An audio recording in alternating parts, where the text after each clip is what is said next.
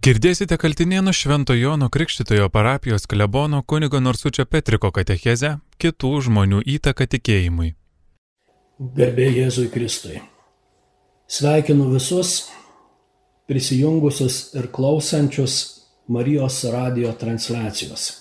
Visus esančius drauge, tiek namuose, ligoninėse, kelionėse, darbe. Ieškančius ir alkstančius Dievo. Mūsų šios dienos katechezės tema yra kitų žmonių įtaka mano tikėjimui.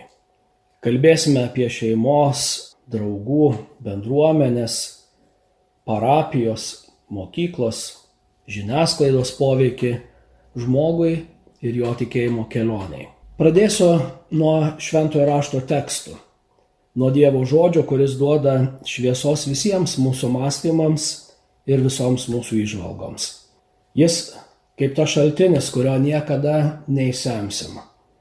Pacituosiu keletą tekstų, kurie gali būti gairėmis mūsų pasirinktai temai. Pradžioje jie gali suskambėti nedarniai, bet iš lėto, kantriai derinsime stygas, kol pasigirs nuostabi melodija, raminanti, užburianti ir pakilėjanti sielą. To labai tikiuosi.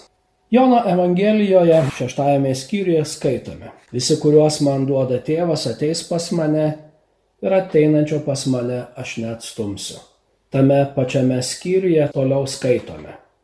Niekas negali ateiti pas mane, jei mane pasiuntęs tėvas jo nepatraukė. Ir dar kelios citatos iš Evangelijų. Mato Evangelijos 28 skyriuje skaitome apie įvykius po Jėzaus prisikėlimo.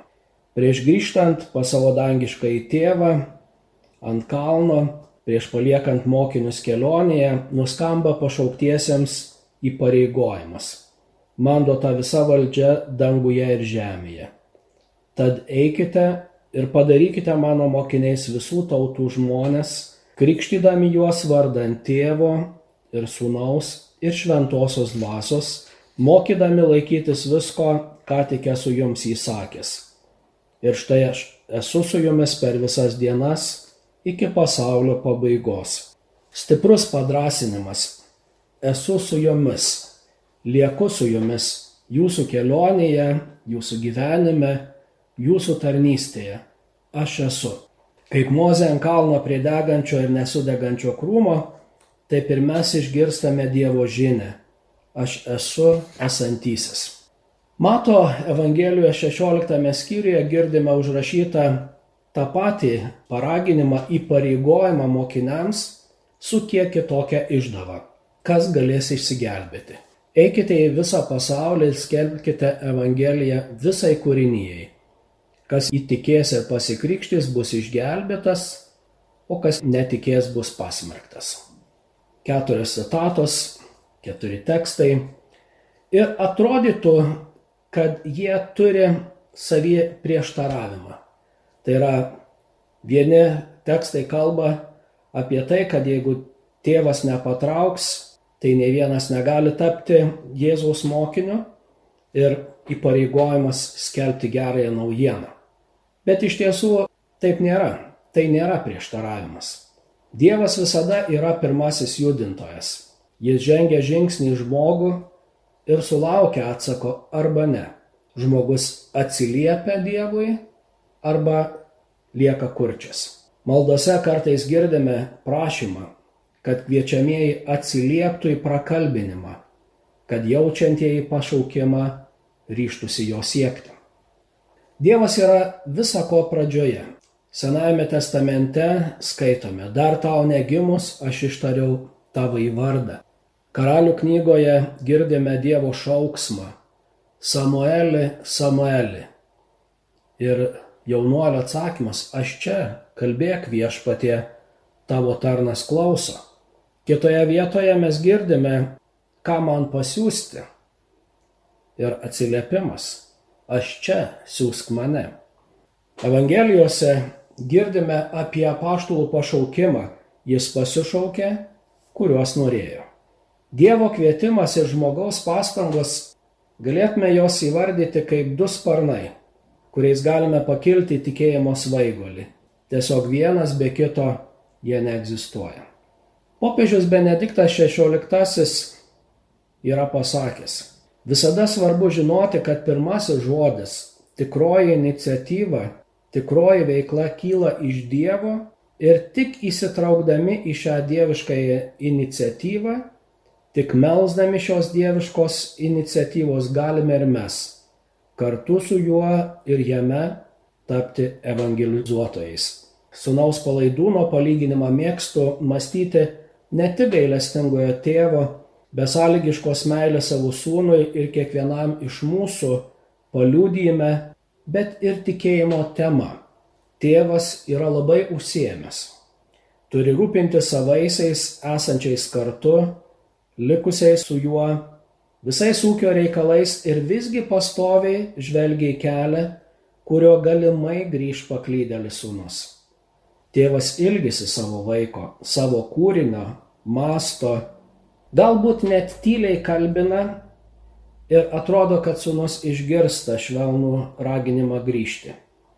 Svajotojo asmeninio gyvenimo projekto griūtis, nesėkmės, alkis jį priverčia susimastyti. Kažkas negerai su jo įsivaizdavimais ir troškimais. Paminta tėvo meilė, iškeista į absoliučią laisvę, nuveda jį į keulidę. Nuleidęs galvą, nusižeminęs, jį žengia gimtosios žemės link, greičiausiai net nedrįsdamas akių pakelti ir vengia ką nors susitikti iš savųjų, jam tiesiog gėda. Tuo metu tėvo žvilgsnis įsmeigtas į tolį. Jeigu tėvas vos pamatęs atpažinęs karmaluotą vaiką skuba apkabinti grįžtančio sūnaus, tai sūnus kurį laiką net nepastebi keliu atskubančio tėvo. Susitikimo apsikabinime galime išvysti tikėjimo esmę. Dovanai teikiantis malonę ir ją priimantis. Tėve, be tavęs nėra gyvenimo. Be tavęs vien klaidų akidobės, skausmas, Leisk būti nors samdiniu, būti su tavimi. Juk tai nuostabia akimirka. Dievas patraukia, žmogus atsiliepia. Susitikime, apsikabinime, šitame artume suskamba tikėjimas. Dievo apvaizda ir žmogaus ieškojimai sudaro darno akordą. Apaštalas Paulius laiške romiečiams dešimtajame skyriuje rašo. Jei lūpomis išpažinsi viešpati Jėzų ir širdimi tikėsi, kad Dievas jį prikėlė iš numirusių, būsi išgelbėtas. Širdimi priimtas tikėjimas veda į teisumą, o lūpomis išpažintas į išganimą. Raštas juk sako, kas tiki jį, neliks sugėdintas. Popiežius Pranciškus apaštališkame paraginime Evangelijai Gaudium atrodo kalba apie tą patį Jisai rašo. Evangelijos džiaugsmo prisipildo širdis ir gyvenimas visų, kurie sutinka Kristų. Tų, kurie leidžiasi būti jo išgelbėjami, yra išlaisvinami iš nuodėmės, liūdėsio, vidinės tuštumos ir vienatvės. To, kuris surizikuoja, viešpats neapgauna. Ir kiekvienas žengiantis nedidelį žingsnelį Jėzaus link, pamato, kad Jėzus išskėstomis rankomis jau laukia jo ateimo. Ta akimirka yra proga Jėzui pasakyti, viešpatie, leidausi būti apgaunamas, tūkstančiais būdų bėgau nuo tėvo meilės, tačiau dar kartą esu čia, kad atnaujinčiau savo sandorą su tavimi.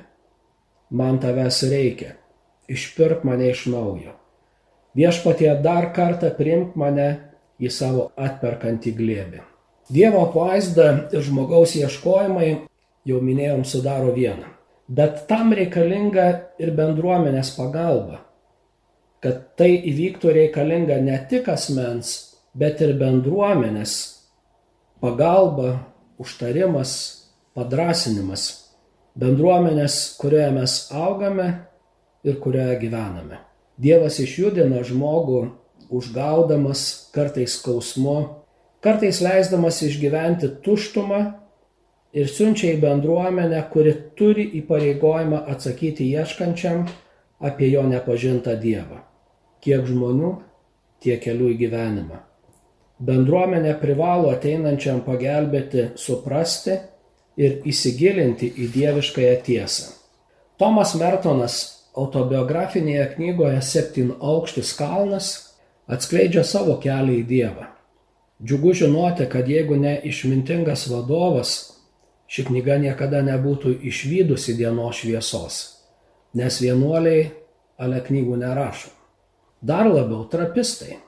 Vienuolino, kuriame Tomas gyveno vyresnysis, ragino mesti idėją parašyti knygą, liūdėjimą apie savo kelią, nepeinant ir klystkelių aštrių kampų ir begalinio švelnaus paslapties kvietimo į gyvenimą. Ir vis dėlto Tomo nesustabdė pirmos šalmas. Jis kreipėsi į vienuolijos generalinį vadovą ir gavo pritarimą jo idėjai.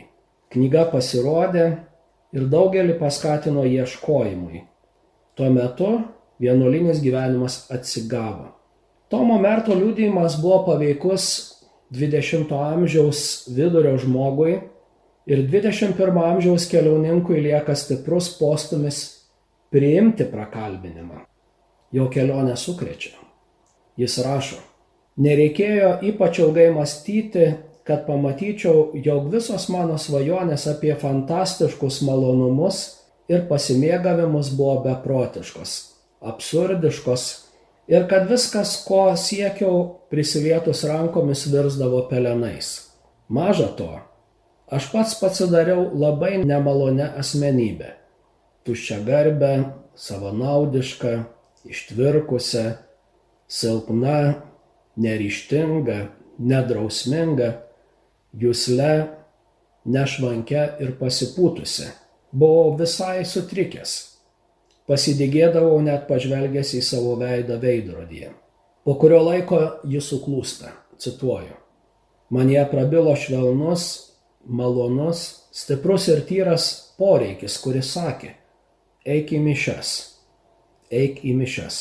Tai man buvo nauja ir keista, tas balsas, kuris man tarsi liepia, tas tvirtas nuolat augantis vidinis įsitikinimas, kad būtent taip reikia pasielgti.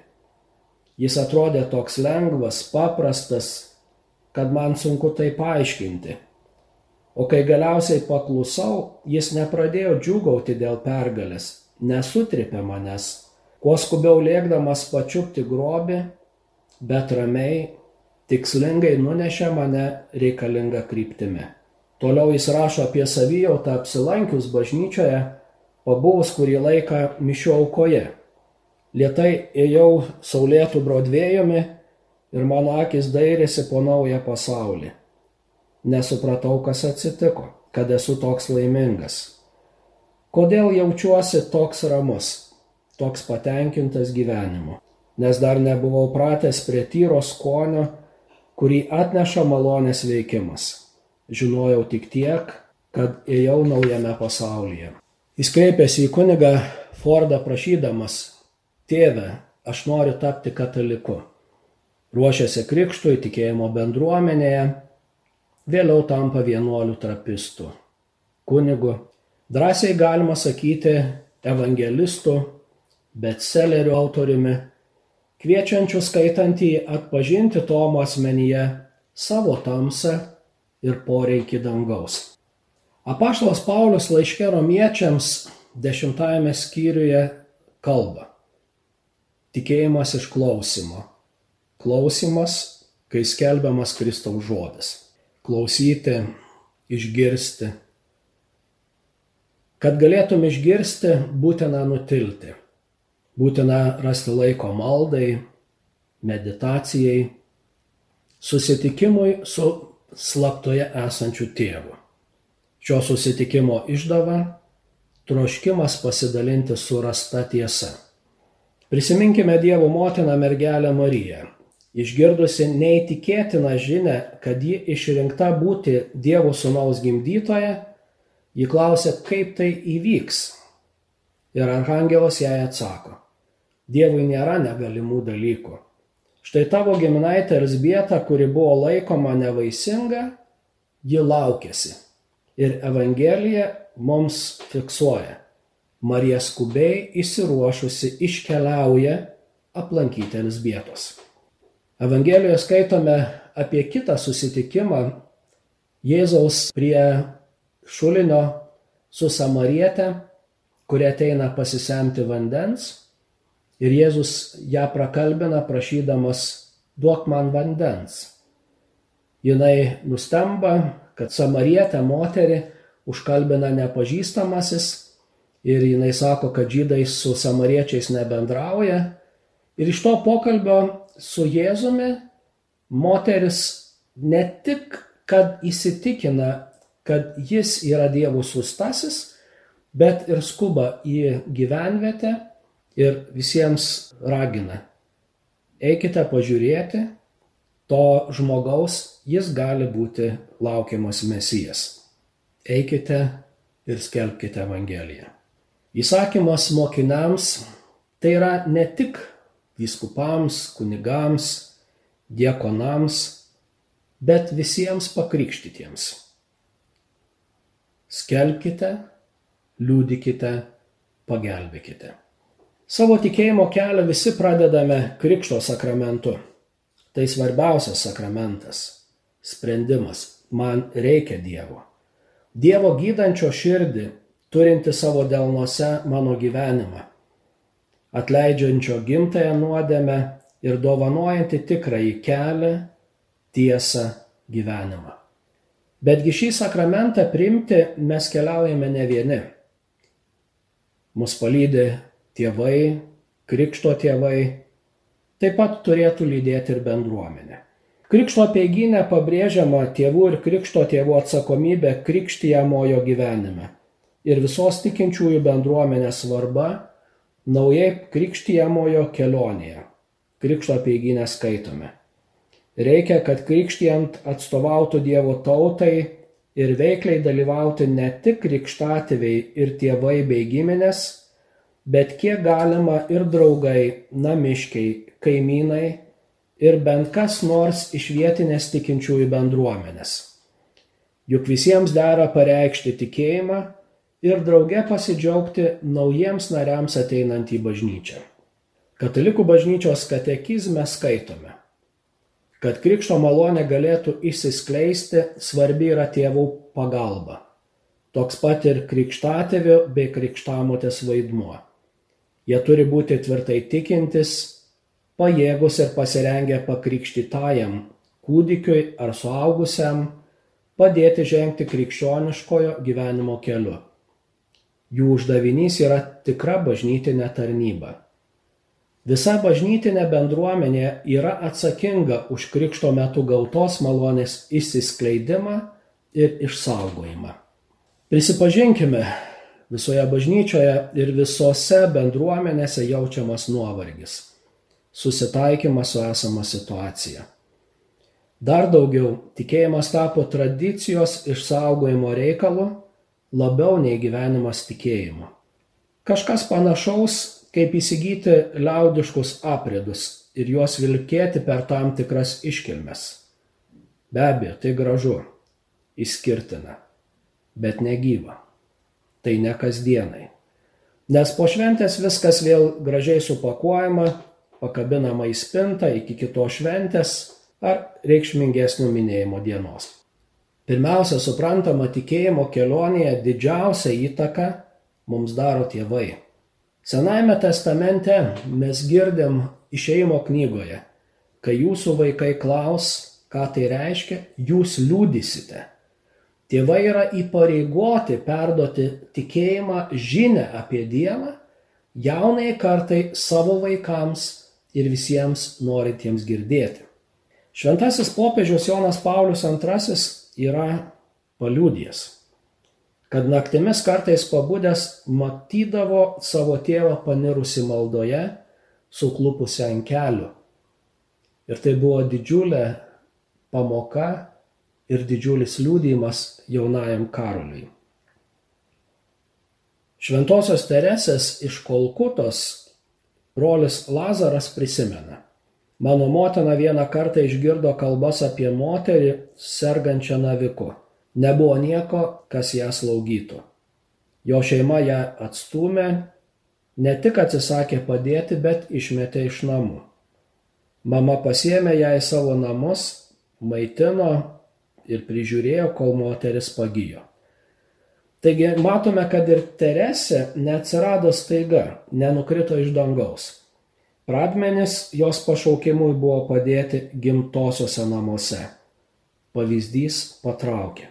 Taip tikėjimo perdavime didelį vaidmenį turi visa tikinčioji bendruomenė, ne šiaip savo bažnyčiai tai atkreipė dėmesį, visi esam įpareigoti pagelbėti naujai pakrikštytajam. Turbūt visi galėtume prisiminti akimirkų ir iš savo gyvenimo, kai teko skambinti ar vykti pas artimą bičiulį, kad padėtų nusiraminti ir padrasintų, pasitikėti Dievu, kad viskas bus gerai. Tikėjimas tik stiprina ne tiek mokymas, kas yra labai svarbu, bet kasdienė veiksmai, kurie tampa gražiausių tikėjimo liudijimu ir įpareigojimu, paskatinimu. Dar kartą prisiminkime šventąją motiną Teresę iš Kolkutos. Visi esame girdėję apie jos pastangas pagelbėti gatvėje mirštantiems žmonėms, kuriais niekas nesirūpino ir jie niekam nerūpėjo. Pradžioje savo tarnystės gatvėje ji bandė rasti namus, kur galėtų pagelbėti nelaimėliams. Kartą vienas valdininkas Teresę nuvedė prie Deivės kaly šventyklos pačiame gyviausiame Kolkutos centre, kur stovėjo apgriuvę tušti hinduistų maldininkų namai. Pamaldus hinduistai pajutę artinantis paskutinę valandą, eidavo į mirties deivės kali šventyklą numirti, kad būtų sudeginti šventoje vietoje. Čia šventoji motina Teresė ir įsikūrė su savo seserimis. Tačiau ne visi džiaugiasi tokia jos veikla. Buvo bandymų ją išprašyti, kad jos čia nebūtų. Yra liūdėjimų, kad net policija buvo kviečiama. Kartą pasirodė policijos komisaras, užsimojęs ištremti seseris, matyti eiliniai pareigūnai pasirodė per silpni užduočiai įvykdyti, kad reikėjo net valdžios, bet tai, ką jis išvydo, jį sukrėtė. Sutrikęs jis pamatė, kaip Teresė valo atviras vieno ligonio žaizdas, kuriuose knipžda kirminai. Ir skundikams jis vėliau pasakė, aš tik tada ištremsiu iš čia šią damą, kai jūsų motinos ir seserys ateis ir stos dirbti jos darbo. Vienas kaly šventovė, šventovės kunigas pareiškė, Jau 30 metų aš tarnauju Deiviai Kaly jos šventykloje. Šiandien pamačiau šventąją motiną žmogaus pavydalu. Kuklios vienolės veikla, kaip koks meteoras apskriejo visą žemę ir jos pastangos tarnauti vargingiausiam iš vargingiausių vis tebe jaudina ir ateityje jaudins net patogiai ant sofkutės įsitaisiusi pilietį teks klausti ir kitko.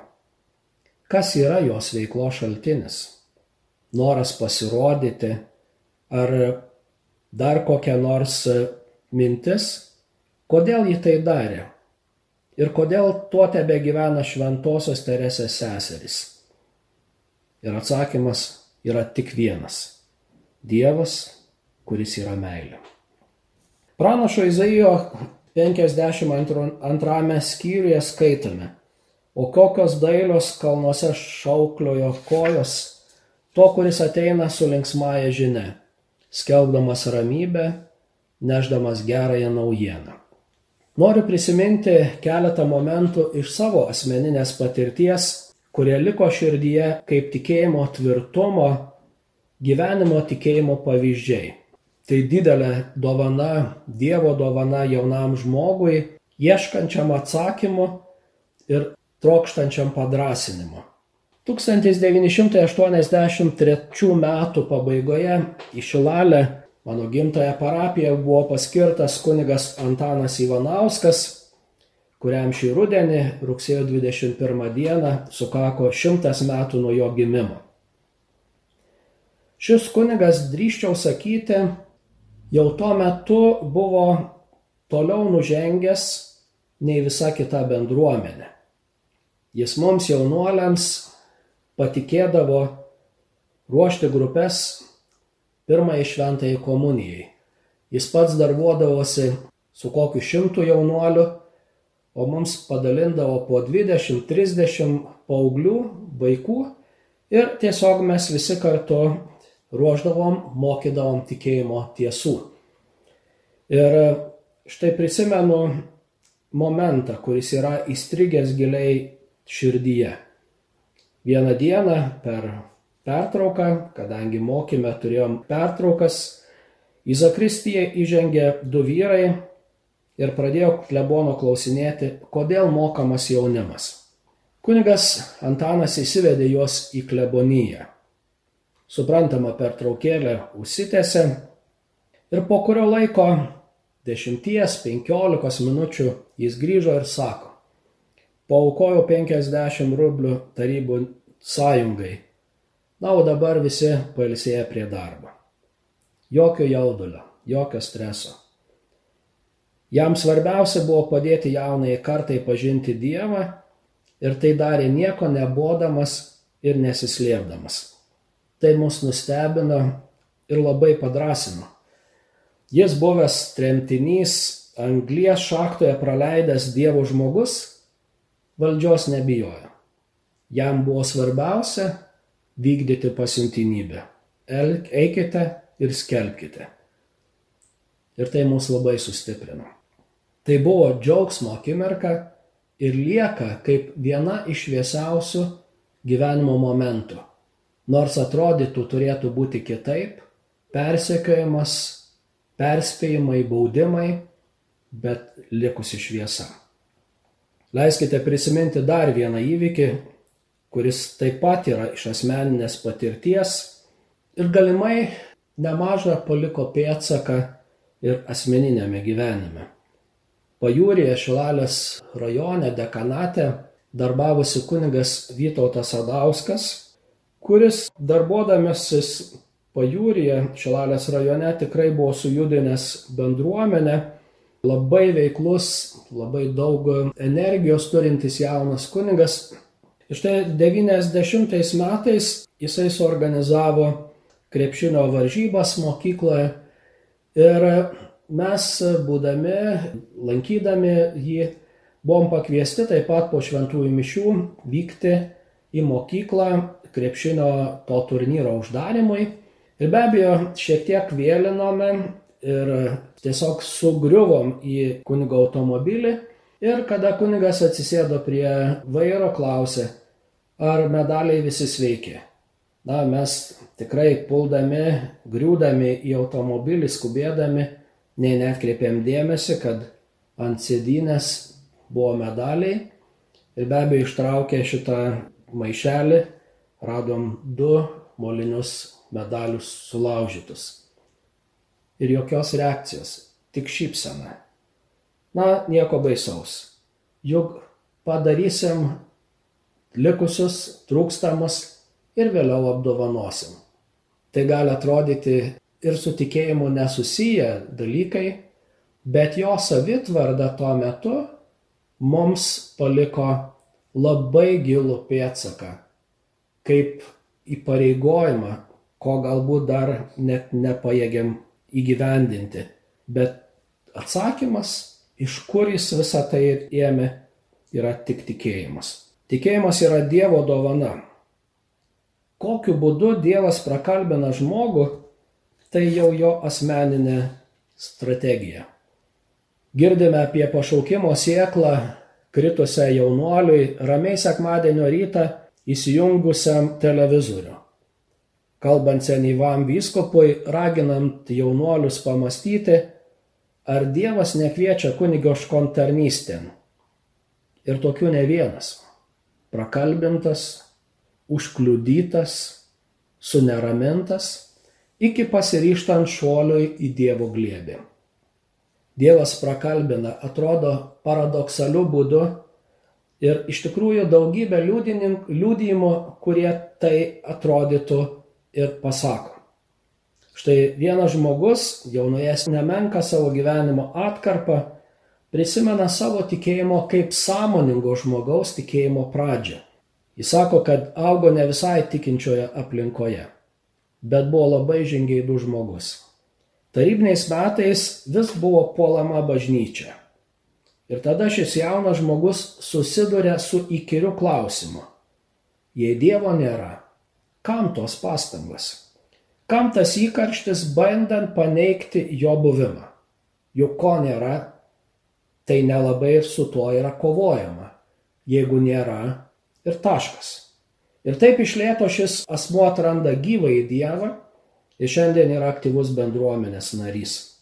Šiandien kaip niekad turime daug literatūros, tikėjimo pažinimui, gilinimuisi, galimybių apšiai reikia tik noro ir pastangų kad ir Marijos radio transliacijos. Tiek daug kartų teko girdėti. Apie tai girdėjau Marijos radio laidoje. Iki to laiko neteko susimastyti apie tokius klausimus. Tai didžiulė malonė. Tai didžiulė pagalba norintiems išgirsti ir klausantiems. Visi esame girdėję apie vieno iš garsiausių šventųjų, padariusi nemenką įtaką bažnyčios istorijoje, apie šventą Ignacą Lojolą. Juk sėkla į sielą krito skaitant Kristaus sėkimo knygą. Ji jį nuvedė į apmąstymus, ieškojimą. Ir iš išorinio jūslinio žmogaus lietai gimsta naujas dvasinis žmogus, pagaliau subrandinęs ryštingą sprendimą save paukoti Dievo reikalui. Knygos yra nuostabus skelbimo šaltinis galintis paliesti žmogaus širdį, uždegti atšalusią tikėjimo dvasę. Nemaža dalis greičiausiai skaitėme jaunos italės mirusios vos 28 metų Kieros Korbelos Petrilo istoriją. Knygą apie jos gyvenimą gimėme ir jau nebemirsime. Iš tikrųjų, tas kūrinys sukrečia, sujaudina ir paliečia. Jau vien skaitant tekstą momentais šiurpas eina per kūną, tvenkėsi ašaras. Neįtikėtina, kaip gali trapus žmogus, tvirtai įsikibęs į aukščiausiojo ranką, tiek ištverti ir taip priimti Dievo sprendimus. Neįmanoma likti abejingam tokiai dideliai meiliai ir pasitikėjimui, nors žmogiškai žvelgiant atrodo, Kaip galima nesėkmėse, praradimuose atrasti nevystantį grožį ir Dievo malonę? Ir vis dėlto ši istorija ne tik apie pasišventusią motiną, kuriai meldžiam palaimintosios statuso bažnyčiai, bet ir apie kiekvieną iš mūsų. Ji kviečia priimti ir savo gyvenimo nesėkmes kaip galimybę ir nebijoti pasitikėti meilę kuri kur kas daugiau mato ir žino. Nedidelė ištrauka iš jos, jau žinančios, kad nebėra vilties išgyti, testamento savo kūdikiui Franceskui. Ji rašo, brangus Franci, šiandien tau sukanka metai ir mes galvojome, ką galėtume tau padovanoti, kas praverstų tau daugel metų, taigi nusprendėme parašyti laišką. Tu buvai didelė dovana mūsų gyvenime nes padėjai mums žvelgti toliau, nei mes kaip žmonės galime įmatyti. Kai gydytojai norėjo mus įbauginti, tavo gyvybė tokia trapi mums suteikė jėgų eiti į priekį.